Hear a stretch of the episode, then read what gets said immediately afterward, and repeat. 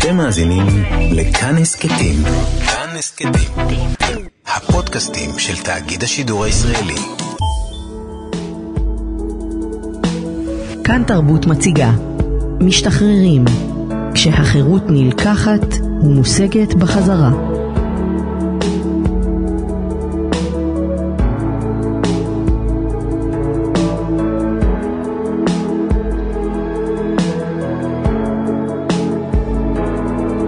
שלום לכם מאזיני כאן תרבות. באחד משיריו כתב הפזמונאי יובב כץ, כי מה שאני מחפש זו חירות. החירות לעשות כלבבי, לעצב בלי פשרות ובלי תלות את מה שבוער בכבשן דמיוני הלוהט, הצמא לצורה, לבמה, לקהל ולהד. בשעה הקרובה אנחנו נביא לכם את סיפוריהם של מי שהחירות הזאת הייתה להם מסלול המראה לחיים מלאים ויצירתיים. החירות הזאת גם ניטלה מהם תחת נסיבות חיים אכזריות, והם יצאו למאבק ארוך ומתיש כדי להשיב לעצמם את חירותם שנראתה אבודה. הם יצאו למסע הגבורה הזה וחזרו ממנו כמנצחים. באולפן איציק יושע. משתחררים כשהחירות נלקחת ומושגת בחזרה. 23 במרץ שנת 2010, לפני עשר שנים. אלפי המכוניות בנתיבי איילון דרומה שועטות בפראות שבשגרה, ובאחת המכוניות שפניהן דרומה מתגלה תקלה. הנהגת הצעירה, חיילת בגלי צה"ל, מאיטה את נסיעתה וגולשת בזהירות לעבר אי התנועה שבצד הנתיב המהיר. המכונית נעצרת, אלפי המכוניות ממשיכות לשעוט בסערה. הנהגת הצעירה יוצאת מתא הנהג, היא מבקשת לברר את מהות התקלה. זהו בעצם הדבר האחרון שהיא חשבה ותכננה כאדם חופשי ששולט בגופו ובמעשיו. עד לעצירה על אותו אי תנועה, החיים שלפניה נראו מבטיחים. עד לגיוסה לצה"ל היא כבר הספיקה לשחק בסרט מישהו לרוץ איתו ולקצור שבחים מקיר לקיר, שבחים שתורגמו לפרסים בישראל ומעבר לים. בתחנה הצבאית היא הפכה במהירות לראש תחום החוץ. פצצת הכישרון הזאת הפנתה אליה מבטים ארוכים ועמוקים של הערכה והתפעלות מצד כל רואיה. החיילת ניגשה אל מכסה המנוע, ואז נשמעה חבטה מקפיאת דם. שלום לשחקנית, למוסיקאית ולכתבת בר בלפר. שלום. אמ, זה מעניין לשמוע את הסיפור אה, מבחוץ, ככה. החיילת ההיא זו את? כן, אני החיילת ההיא. כן, אני רוצה להחזיר אותך ליום הזה. את מגלה תקלה במכונית, את מאיטה, את עוצרת בצד. כן. מה קורה? אני בדרך למשמרת, בדרך למשמרת צהריים בגלי צה"ל. כן. קראו לי תמימה, ורק באה לעשות משמרת. שלושה חודשים לפני שחרור. והאוטו התחיל לצפצף, והאוטו של אבא. ולא הבנתי מה הסיפור, וההורים בחו"ל, אז התקשרתי ואמרו לי זה כנראה התחמם המנוע, צריך לשפוך מים למנוע, והתקשרתי להודיע שאני מאחרת. עצרתי בצד, התקשרתי להודיע בדסק שאני מאחרת למשמרת. ואוקיי, אז היה לי כמובן פקד, בקבוק מים, חיילת אה, מסורה שכמוני מביאה למים, לתחנה מים. והלכתי למנוע לשפוך, עצרתי בשוליים של הקק"ל, זה כאילו שוליים רחבים, עמוקות, בלי שום סכנה על הכביש של הצהריים, בלי שום סיכוי להתנגשות. אך אה, התנגשו בי בזמן ששפכתי מים למנוע כדי לקררו. ולמעשה אני דרסתי את עצמי. מה זאת אה, אומרת? הרכב שלי עלה עליי, התנגשו ברכב שלי והרכב שלי עלה עליי. ומה שמאפשר לי לספר לך אה, את הסיפור בשנת 2020, כעשר שנים ושבועיים, משהו כזה, אחרי שזה קרה, זה שכמה רכבים מאחוריי היה במקרה הפרמדיק הראשי של מד"א, במקרה. הוא אמר פה, אוקיי, משהו כאן לא בסדר, העלה אותי לניידת. ומשם אה, הכל היסטוריה. בואי נתחיל לספר את ההיסטוריה הזאת. משם את אה, מאושפזת, לכמה זמן? ובאיזה מצב? לפי מה שאומרים לי, אני יודעת רק, אתה יודע, אני לא, בכ... אני לא בהכרה. אני לא בהכרה בזמן הזה, אז אומרים ארבעה וחצי חודשים. זה uh, around, כי זה לא בדיוק ככה ולא בדיוק ככה. הייתי במחוסרת uh, הכרה, הייתי ב... לא מוגדרת בתרדמת, בקומה, אלא בהכרה חלקית או חוסר הכרה חלקית. לא זוכרת את ההגדרה הרפואית של זה. Mm-hmm. כי גם הייתי, אחרי השבועות הראשונים, הייתי פותחת עיניים. לא הייתי מתקשרת. לא הבנתי שום דבר שקורה סביבי, אבל הייתי פותחת עיניים. ומבינה מה קורה סביבך? לא, ממש לא. אני, הזיכרון שלי מתחיל בסוף, לקראת סוף 2010, לקראת סוף שנת התאונה. משם מתחילה אה, הזיכרון, משם נולדתי בעיקרון. ויש בזה משהו נחמד בלחזור בגיל אה, בוגר ביותר, כבר בת 31. אמ, אבל דאז הייתי בת 21, לחזור... אני עוד, בר, אני רוצה להישאר עדיין אה, לפני שאנחנו חוזרים. את uh, מסיימת אותם ארבעה וחצי חודשים שבהן את מנותקת מסביבותייך, מסביב בוודאי סיפרו לך, התנדנדו בין תקווה לחוסר תקווה, נאמר זאת כך. Uh, מתי בעצם את פוקחת עיניים ומסמנת שבעצם את חוזרת לחיים? טוב, אין רגע כזה, אין רגע אחד כזה, זה תהליך mm-hmm. שכל מי שהיה בקומה במקרה בחייו, לא נראה לי שיש זה דבר נפוץ, אבל uh, זה לא דבר שקורה ברגע בום הוא ער, בום הוא איתנו. זה תהליך, וגם בגלל שהייתה לי פגיעת ראש, זה היה לי תהליך ארוך מאוד, כי זמן רב, אה, מאוד, זמן רב רב רב רב הייתי בטוחה שאני עוד בחלום. גם כשהייתי ערה, כן. הייתי בטוחה שאני עוד בחלום שלי. מה, מה היו הפגיעות? מה, באיזה היקף הייתה הפגיעה? מה נפגע אצלך? כן. תמונה שמאל אה, של המוח. שהיא מוטורית, היא אחראית לכל צד ימין של הגוף.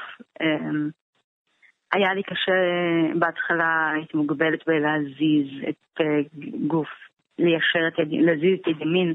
כאילו למדתי כמו תינוק, למדתי הכל מחדש. למדתי שאני, למדתי איך לשלוט בגוף, להזיז את פלג הגוף הימני. למדתי ללכת. היו שיעורי פיזיותרפיה שלמדתי הליכה.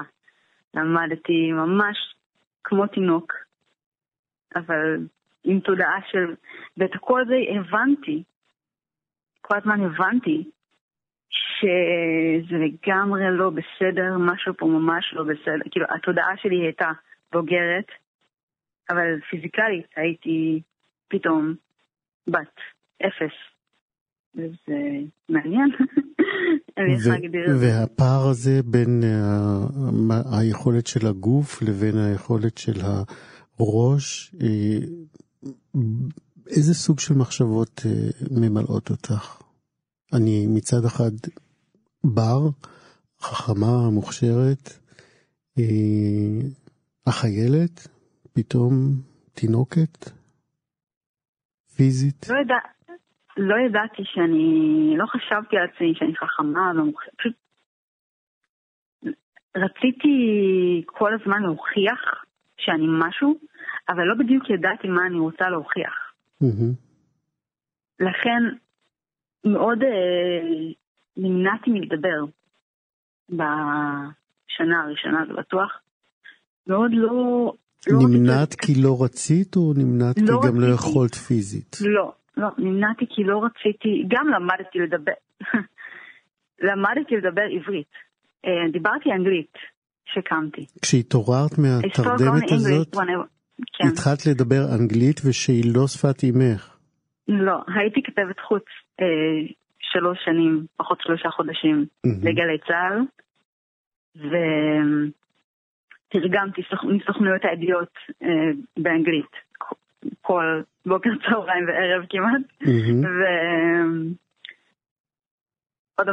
ואוטומטית, מה שהראש הזה שנפגע, האוטומטית הלך למקום הבטוח שלו, מה שהיא עושה כל יום, to speak English. זאת אומרת, האנגלית הייתה בעצם איזה חוף מבטחים שככה המוח שלך תרגם את החזרה שלך. בדיוק, וכשדיברו איתי בעברית אני הבנתי כל מילה. אבל ענית באנגלית. אבל בדיוק, היית מדבר אליי ואני הייתי אומרת, כן, exactly what you said, but I just uh, thinking, התחלתי להגיד מה שאני רוצה באנגלית. הרגשת בזמן שדיברו אלייך בעברית וענית באנגלית, הרגשת שמשהו לא תקין, שמשהו לא, לא, לא, לא קורה כמו שאת אה, מכירה את זה? ברור, ברור, אבל זה גם קשור למחשבה שלי, שאמרתי לפני רגע. שהכל היה לא הגיוני, זה, הכל היה מעורבב באותו זמן בראש שלי, כי, כי אני, לא, אני לא חשבתי שאני ערה. בגלל שהייתי ארבעה וחצי חודשים בחלום. ואם תרצה אני אספר לך על החלום הזה. אני רוצה, זה הזמן. זה הזמן? כן. אז uh, הייתי בטוח, היו לי עוד זיליארד חלומות, אבל הדבר היחיד שאני זוכרת מה so called קומה הזאת, um, זה שאני במסדרון. Uh, קיר שחור, כאילו זה מסדרון, אה, זה לא באמת קיר, זה קיר שחור עם דלתות. מסדרון אה, וירטואלי, מסדרון בחלל, עם דלתות. כמו בית מלון, רק מעל כל דלת, מספר החדר הוא שנה. יש אה, 99, אלפ, אה, 2005, 2001, כל שנה. שכנראה עכשיו, בתרגום עושה לחלום, הזה, כל שנה הייתה אירוע משמעותי בחייה של בר הזאת שהייתה. מה היה ב-99? אה, הייתי בת עשר, וזה היה, אני, אני תכף אני, אני, בנוגע לשאלה הזאת נדבר עוד מעט. אוקיי. נסיים את סיפור תסיימי איתה, כן, בבקשה. ובכל, אז אוקיי, אז אני עומדת במסדרון ואני מנסה, הבנתי לאט לאט אחרי שנכנסתי בכמה דלתות, שאני מחפשת את הדרך החוצה. אני מחפשת את הדרך לצאת מהמלון האינטרגלקטי הזה, התודעתי, לצאת לחופשי, לפתוח עיניים. לחזור לעולם שלנו. אם העולם שלנו הוא אמיתי, אם השיחה הזאת באמת קורית בעולם קיים עכשיו, לחזור לפה. ועברתי בכל חדר שהוא שנה, הייתי בגיל אחר, הייתי בת עשר, ושיחקתי עם חברות שלי בבריכה, בבית של ההורים שלי. שיחקנו, קפצנו למים, הכל היה כרגיל, דברים מהחיים של בר. דאז, ואז פתאום אמא מגיעה, אמא יוצאת החוצה ואומרת, אה, אה, באה, רוצה, הכנתי לך צהריים, רוצה לבוא לאכול? אה, מה הכנתי אמא? הכנתי לכם את הדבר שאתן הכי אוהבות. אה, שניצלים ופתיתים. ואז אני אומרת, וזה לא הדבר שאנחנו, יש כאילו בבית שלי, מה, הבית שלי אה, מאוד חשוב, חשוב לו אוכל, אנחנו יש לנו הרבה מאכלים ידועים של הבית. אמרתי, מה שוב אמרת? שניתנים מציצים, האוכל, המאכל אהוב עליכם, עליכם. וזה, וזה לא נכון. זה לא המאכל האהוב עלינו, עליי ועל חברות שלי דאז, לגיל עשר. אז אני אומרת, ברגע זה אני אומרת בחלום, לא, זה לא, זה לא, לא, זה לא המאכל האהוב עליי, זה לא העולם שלי. בום, אני חוזרת למסדרון. זה לא היה העולם שלי. 1999. אה, זה לא היה... ברגע שקורה, אני עוברת חוויה כלשהי מהזיכרונות שלי, בכל חדר, אז קורה איזה משהו ששובר את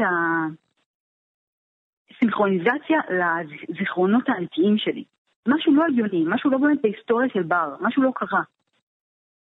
ואז אני אומרת, אוקיי, זה לא העולם האמיתי. ובכל שנה אני בגיל אחר עם חוויה אחרת, כאילו בכל חדר, שהשנה עם מספר החדר, אמ, אני עוברת חוויה, איכשהו, חוויות סתמיות, שאני לא מבינה איך הם היו בראש של בר הזאת, בת ה-21, אבל הם היו שם. ואז משהו שובר את ההרמוניה למציאות, ואני חוזרת לחפש את המציאות שלי. והחלום הזה... בסוף קמתי. מתי חלמת החלום הזה? בזמן התרדמת. בזמן התרדמת. בזמן הקומה. זאת אומרת, זה זיכרון שיש לך אה, כזיכרון אמיתי, או כזיכרון שסיפרת לעצמך שזה מה שקרה לך בזמן הקומה? זה הזיכרון היחיד שיש לי מהקומה, של ארבעה, יותר מארבעה חודשים. זה הדבר היחיד שאני זוכרת משם. אבל שוב, זה, זה, זה חלום אחד שמכיל בתוכו מלא חלומות שונים. כן. אז אולי היה קונספט מאחד בין כל החלומות השונים שהיו לי, של חיפוש המציאות, חיפוש היציאה מהמצב הדומם הזה שהייתי בו. ואז אמרנו, את עוברת, אה, אחרי שפקחת עיניים אה, והבנת שאת אה, במציאות אחרת, ועברת את תהליך השיקום שתיארת קודם, בתוך כמה זמן הרגשת שאת רוצה ויכולה לחזור לחיים שימשיכו, או יפנו תפנית מאיפה שהפסיקו באותו יום צהריים ב-23 במרץ 2010? כל הזמן פעלתי כאילו, התנהגתי כאילו מה, מהרגע שאני זוכרת, בטח הייתה תקופה ארוכה שאני לא זוכרת אותה של שיקום, שעוד הייתי חצי בתת הכרה, אבל מהתקופה שאני זוכרת, כל הזמן רציתי להוכיח לעולם שאני, שאני פה, שאני בסדר. אבל בזמן שרכשתי את הכלים איך לעשות את זה, איך להוכיח את זה לעולם, כל הזמן כתבתי. לעצמי. מה כתבת? כל, כל, כתבתי ספרון, הייתה לי מחברת, ואז בטלפון, בכל מקום שיכולתי לכתוב, כתבתי כל הזמן מחשבות שהיו לי. ו... תני לי דוגמה למחשבה. תני לי דוגמה למחשבה כזאת שמיהרת לכתוב. שנים לא זכרתי את החלומות שלי. ו... וכתבתי בלילות על מה אולי היו החלומות שלי הלילה, ועל מה אולי, כל מיני דברים שאני עוברת נפשית. פתאום שמישהו מגיע והוא אומר שהוא מכיר אותי, ואני לא זוכרת מאיפה אני מכירה אותו. ואני כותבת כל מיני אופציות מאיפה, מה אני יכולה להגיד לו כדי, מה, מה יכולתי להגיד לו כדי לא לפדח את עצמי ולהגיד לו, אני לא מכירה אותך. אני כתבתי לעצמי כל מיני אופציות לחיים שאני אוכל לתפעל כדי להיות לא מובכת, או להיראות נורמלית. רציתי להיראות נורמלית כל הזמן. וזה עזר? ו... אה, לא יודעת. אני רק יודעת שמהר, אוטומטית נניח, הייתה לי משיכה לדברים שבר, לא, לא דיברתי, אבל ניגנתי. פתאום ניגנתי חוקים טורין לרפקו דלסיה על הגיטרה, הדבר הראשון שרציתי כשעוד לא דיברתי, לפני שפתחתי את הפה לדבר, שמו לי בחדר, ליד המיטה, כל מיני פריטים אהובים שלי מהחדר, ובין השאר הייתה שם הגיטרה שלי. Mm-hmm. אז לא רציתי שום דבר, רק, רק הצבעתי על הגיטרה כל הזמן ורציתי אותה. ולא לא ידעתי, לא זכרתי איך מדברים, אבל זכר, זכרתי איך מנגנים פרקים שלמים מוואסים וכאילו יצירות של פאקו דולסיה. זאת אומרת, זכרת, ידעת שאת יודעת לנגן אותם, אבל בעצם לא יכולת לנגן אותם. זה כמו שהדיבור בא לך אוטומטית, אז זה בא לי אוטומטית. לא, לא ידעתי מה אני, לא היה לי מושג מה אני מנגנת. לא היה לי מושג אם זה קיים. לא פשוט הידיים שלי הלכו. כמו שהשפתיים שלך זזות, שאתה כן. פוגש את אימא ואומר לה, אה, אימא, פשוט זה הלך ככה. רקד על הצוואר של הגיטרה. ו...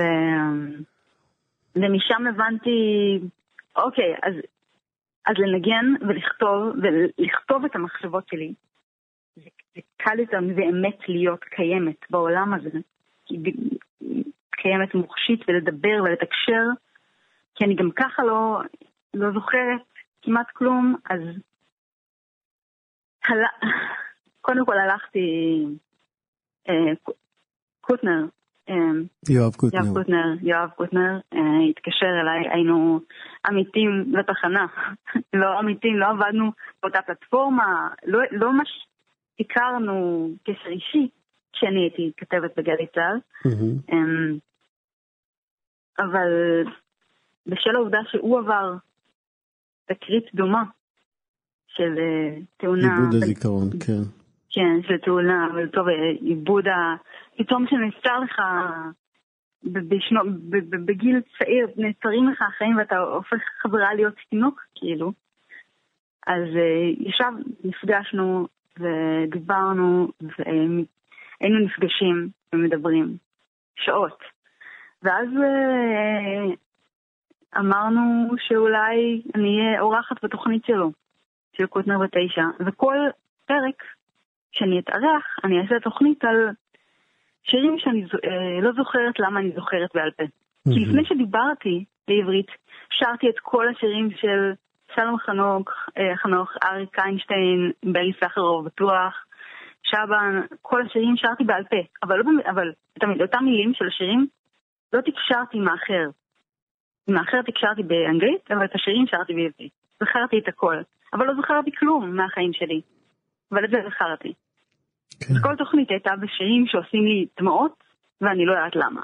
ושירים, ואז, כשאני מדברת עם מכרים, למה השיר הזה עושה לי עצוב, כל אחד מזכיר לי לאיזה חוויה הוא קשור. ודרך זה עשינו כל תוכנית בקונספט אחר. שירים שעושים לי שמח, עצוב וכדומה. מעניין. במשך שנה, במשך שנה. בר, אני רוצה לשאול אותך, בכל התקופה הזאת שאת אה, חוזרת לחיים, ואת, mm-hmm. ממה שאת מתארת עכשיו, אה, חוזרת עם חוויות הרבה יותר מרתקות אולי אפילו, mm-hmm. למתבונן מהצד. מה את רואה במבט של ההורים שלך, שמלווים אותך? שאלה מורכבת. Mm-hmm. מה אני רואה באיזה... לאורך התקופה הזאת. היבט? שאת חוזרת לאט לאט אה, לחיים אה, ומחזירה לעצמך את אה, כל החיוניות שעבדה לך.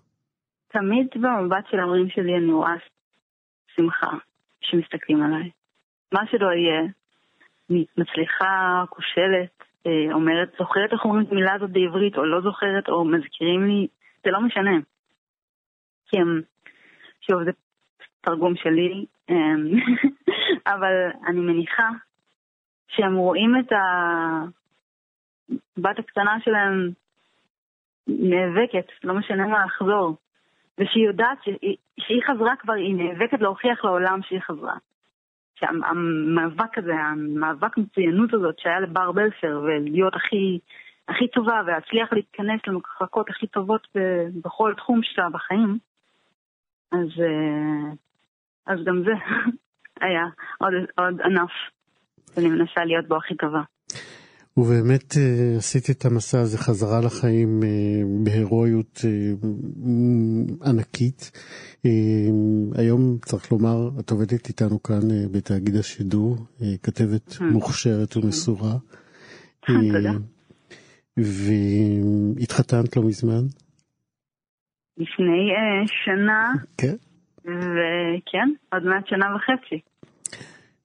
כשאת uh, מסתכלת על uh, אותו חופש שניטל ממך בחביתה אחת בצד נתיבי איילון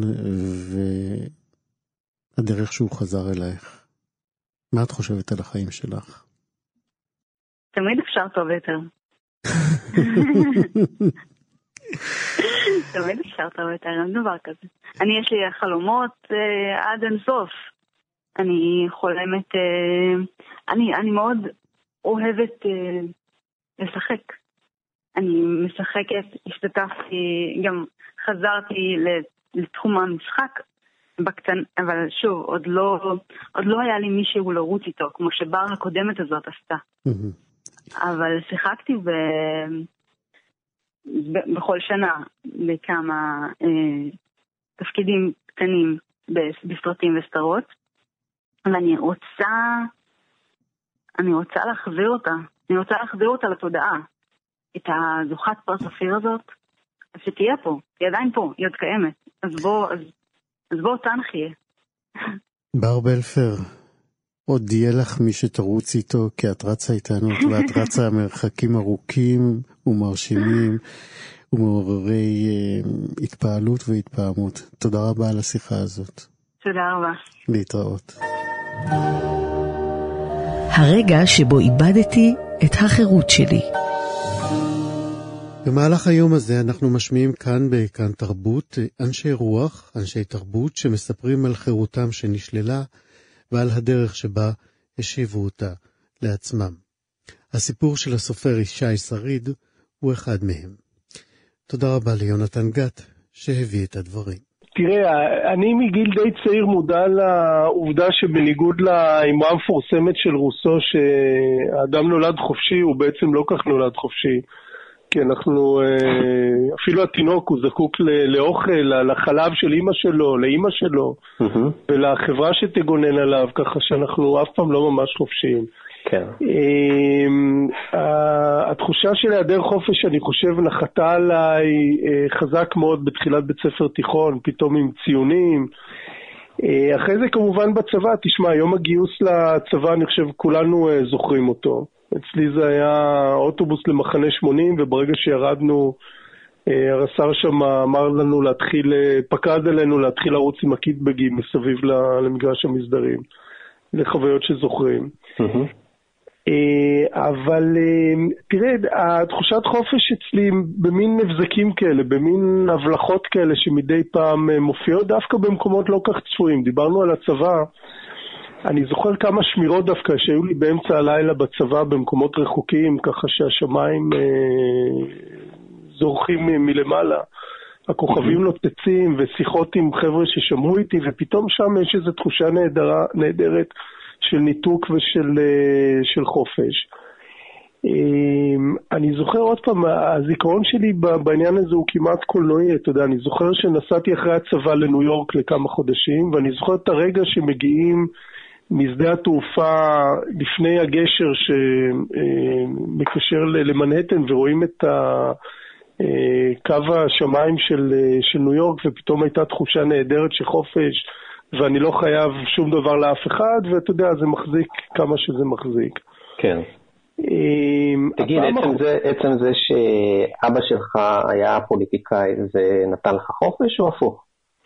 לא, אני חושב שזו עובדה שהיו לה הרבה יתרונות, אבל חופש זה לא נתן, זה הפוך, כי אתה יודע, תמיד אה, יש תחושה שאיזושהי עין בוחנת אותך. Mm-hmm. הרי העניין של החופש הוא בין היתר חופש מאנשים אחרים ומההסתכלות שלהם ומה מה, מה הם חושבים עליך. כן. זה להיות בן של אדם מפורסם, זה לא, לא מועיל בעניין הזה. תספר, תפרט קצת. אמ, תראה, יש, יש דוג, דוגמה מובהקת, זה הדוגמה שעברנו לקריית שמונה כשהייתי בן, אה, כמה הייתי? בן תשע, לכמה שנים. Mm-hmm. וכמו שאמרתי לך, בתל אביב היו לי חיים מאוד טובים עם חברים, וחיים של חופש אפשר לומר. ושם פתאום, אתה יודע, נפלתי לסביבה זרה, ואני זוכר באחד הלילות הראשונים שאני אה, התחלתי לבכות מגעגועים לחיים הקודמים. וככה רצתי במעין בריחה כזאת תיאטרלית של ילד בן תשע מחוץ לבית, אבא שלי הלך אחריי, והוא אמר לי, תשמע, אנחנו לא חופשיים, אוי, כשאני מדבר על זה אני פתאום, אתה יודע, אפילו לא, הוא השתמש במילים האלה, הוא אמר, אנחנו לא חופשיים לעשות כל מה שאנחנו מתחשק לנו, אלא יש לנו גם אחריות כלפי אחרים. ככה הוא הציג את זה, ואז, אתה יודע, זה מין בום כזה של אה, אה, תחושה של אחריות. משתחררים, כשהחירות נלקחת ומושגת בחזרה. התחתנתי כי זה מה שצריך. זה מה שהקדוש ברוך הוא רוצה ממני. זה מה שצריך לעשות. אין ברירה אחרת. אין אופציה אחרת. אני רוצה להיות טוב ואני רוצה לעשות מה שאני אמור לעשות, וזה מה שאני צריך לעשות. וכאילו אם יש לי איזו הפרעה, אני רוצה להתגבר עליה. אני אתגבר על היצר. אפילו שלא היה לי שום רצון, אפילו קל שבקלים, להתחתן. לא היה לי.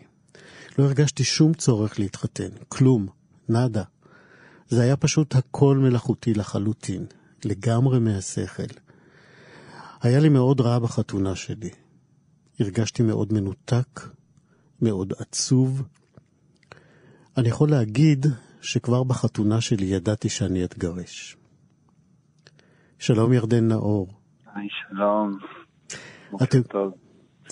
בוקר טוב. התיאור הזה לקוח ממונולוג שנכתב מפיך בספר mm-hmm. בין היצר ליוצר, נרטיבים של הומואים דתיים, שכתב אה, דוקטור אייל זק. כן. ספר לי על מיהו ירדן שעומד אה, להיכנס לאותה חופה, לאותה חופה שהיא בעצם מלכודת, אה, שהיא mm-hmm. סוג של בית סוהר של החיים שלו.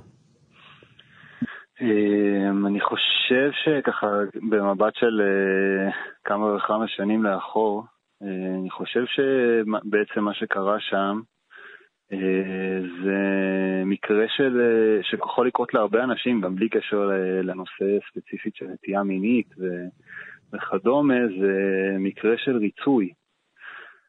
כלומר, היה לי, הרגשתי שאני חייב לרצות את ה...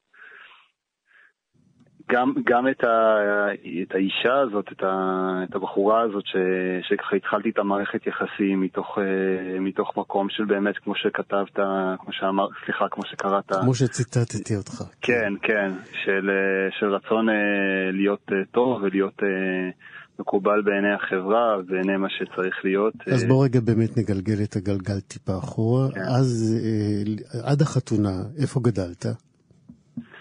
גדלתי במושב נחלים. מושב דתי. כן, מושב דתי באזור המרכז. אה, למדתי שם בישיבה, ישיבת נחלים. אה, והייתי לגמרי בתוך העולם הדתי. אה, בתוך ההבנות של העולם הדתי, במיוחד של אז, של אי, אי שם בשנות התשעים, שבאמת ההבנה והשיח סביב הנושא הזה של הנטייה המינית היה, לא היה קיים. אפשר להגיד. לא היה שום שיח. אה, ובעצם הייתי צריך אה, בתור נער, בתור ילד, בתור נער, אה, לגלות ולחקור את הכל בעצמי, להבין כאילו קודם כל מה אני מרגיש ומה, מי אני, ו, ואז כאילו מה, מה בעצם זה אומר. זה אומר כאילו מבחינת החברה, מבחינת הדת שאני נמצא בה. בן כמה היית בפעם הראשונה שהייתה בך ההכרה שאתה בעצם הומו? אה, זאת שאלה טובה, אני חושב שזה היה ככה ממש, אה, התחלתי להבין את זה, זה היה ככה בסביבות אה, כיתה ז', אה, משהו כזה, שככה באמת, באמת התקופה שבאופן כללי, כאילו נערים אה, בדרך כלל מתחילים יותר אה, להתוודע על הנושא הזה, של, של המשיכה המינית. Mm-hmm. אז שם כאילו, היה גם דברים לפני זה, אבל שם בעיקר כאילו בעצם אה, הגעתי להבנה הזאת. להבנה הכואבת מאוד, מאוד הזאת, אם אפשר לומר, באותה תקופה. אה, מול, שבעצם, מול כן. מי יכולת לבטא את, ה, את העוצמה של המפגש הזה? של הגילוי עליך? לא, לא יכלתי, לא, באותה תקופה לא היה לי נפש חיה לדבר איתה על הנושא הזה.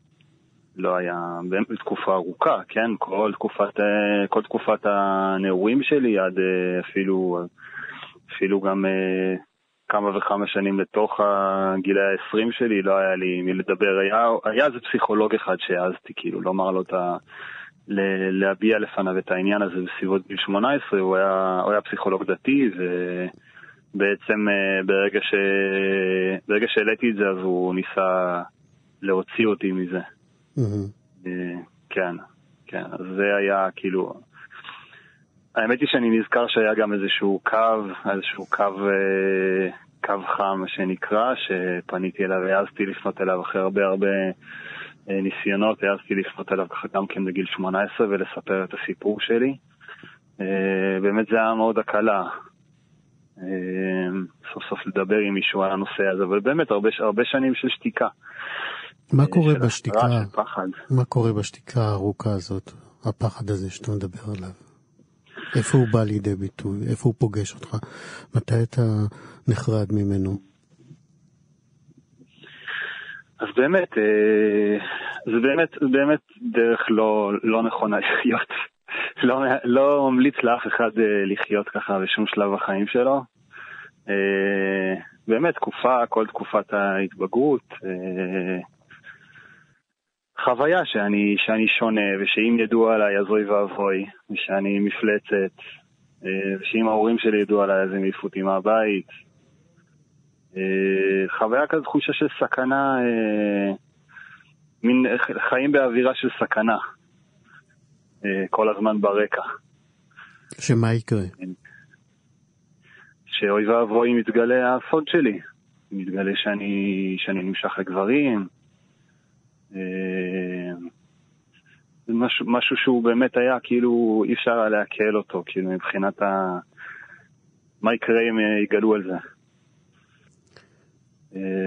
ובהקשר הדתי, האמוני, ביחס שלך אל הדת, אל האלוהים שלך? כמה הדיון הזה הופך להיות קשה?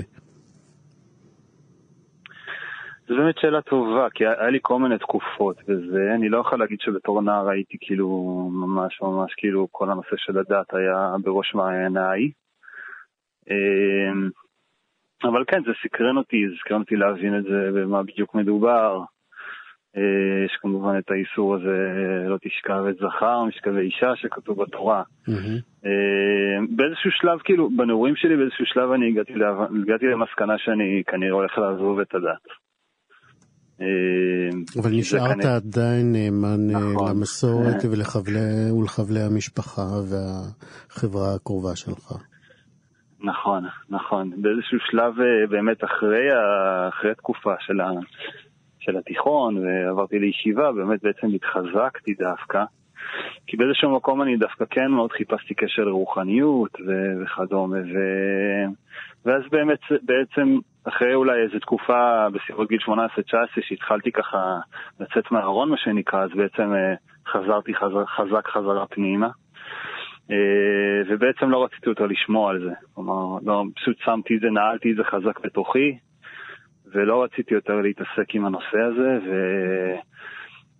והאמנתי שקדוש ברוך הוא יעזור לי, וזהו, ואמרתי, אני הולך להתחתן. זה מה שאני הולך לעשות. זאת אומרת, עד ההחלטה להתחתן בעצם אה, נכנסת, היית במלכודת בתוך מלכודת. מלכודת בתוכך, מלכודת של הסביבה מבחוץ. אה, נכון, נכון, זה כאילו סביבה שבאמת כאילו הקשתה, הקשתה עליי לעשות איזשהו שיח פתוח עם עצמי. אה, ובאמת איזשהו שיח עם עצמי שהוא מאוד, אה, מאוד אה, נוקשה ולא, וקושי לקבל, קושי לקבל את מי שאני. שזה כאילו אולי הבסיס האלף-בית של הכל.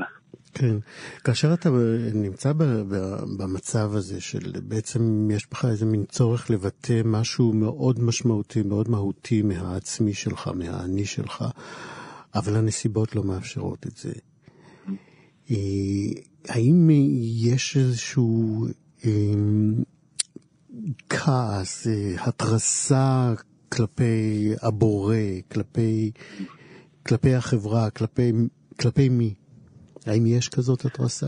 זהו, זה באמת כאילו, באמת כאילו, זה באמת, אני חושב שאנשים אה, מתמודדים עם הנושא הזה הרבה לפי האופי שלהם. אני כאילו באיזשהו מקום, בגלל שאני כאילו יותר, יותר במקום של, אה, בקשיים שלי, כן? יותר במקום של, אה, של, של נוח להיכשל בריצוי, אז היה הרבה האשמה עצמית דווקא. פחות האשמתי כאילו אחרים, יותר כאילו האשמתי את עצמי, שאני לא בסדר ושאני גרוע, כלומר לא, לא, לרגע לא חשבתי כאילו שיש משהו שהוא, משהו אה, שהוא לא נכון ולא בסדר באיך שאנשים מסביבי מתנהלים בנושא הזה.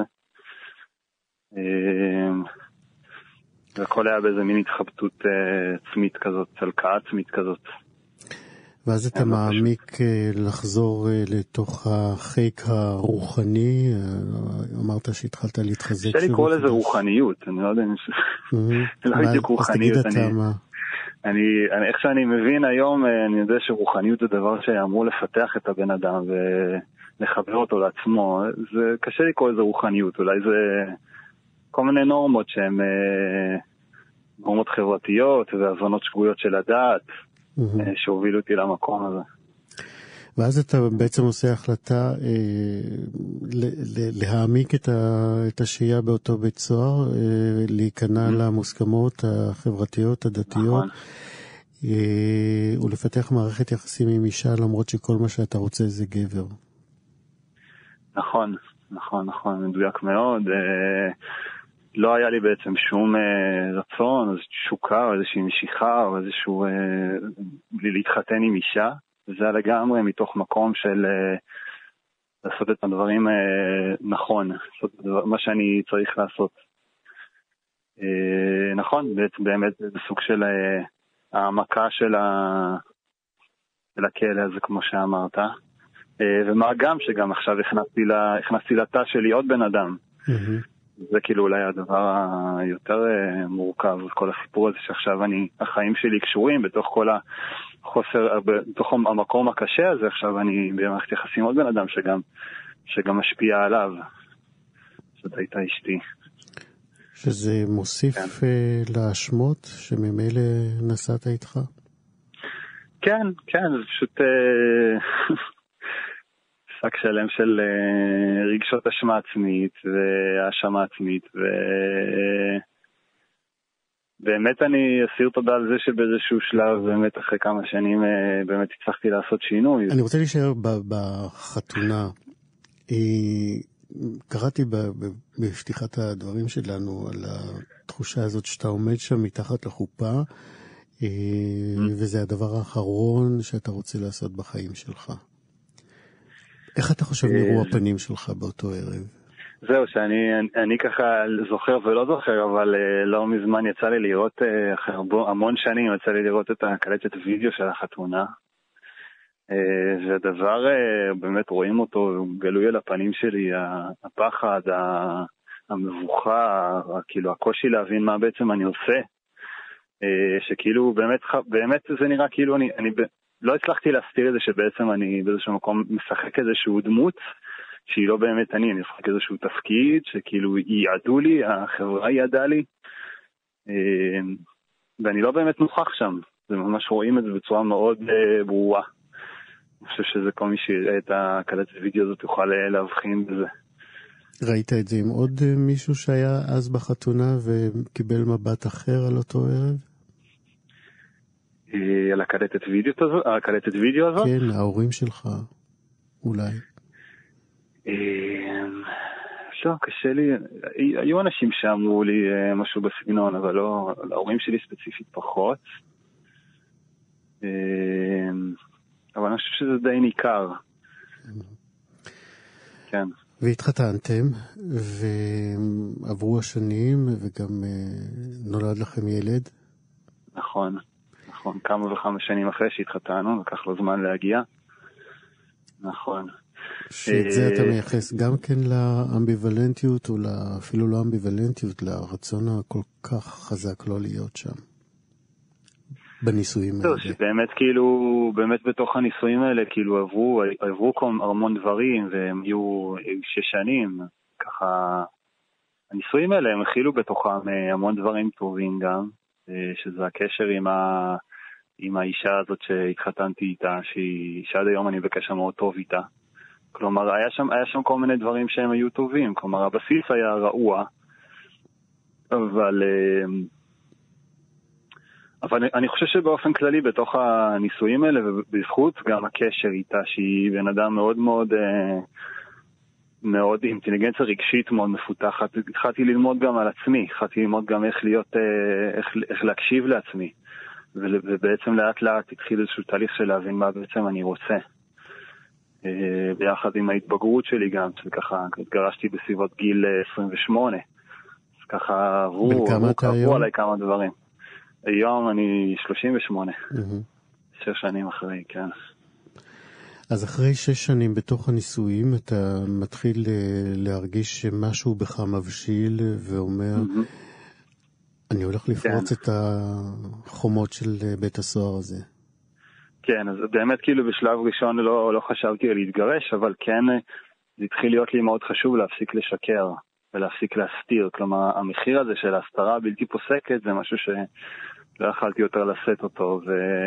היו לך, פשוט... היו לך מה? גם מפגשים עם בחורים במהלך הנישואים האלה? אה, לא, היה משהו אחד, ככה ממש לקראת הסוף.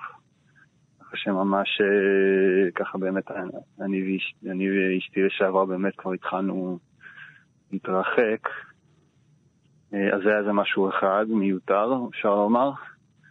אה, אבל לא, לא היה, זה לא היה מפגשים גזרים, זה היה, זה היה בעיקר אה, קושי עם עצמי. כן, כמה היא הייתה שותפה לגיהנום שאתה עובר?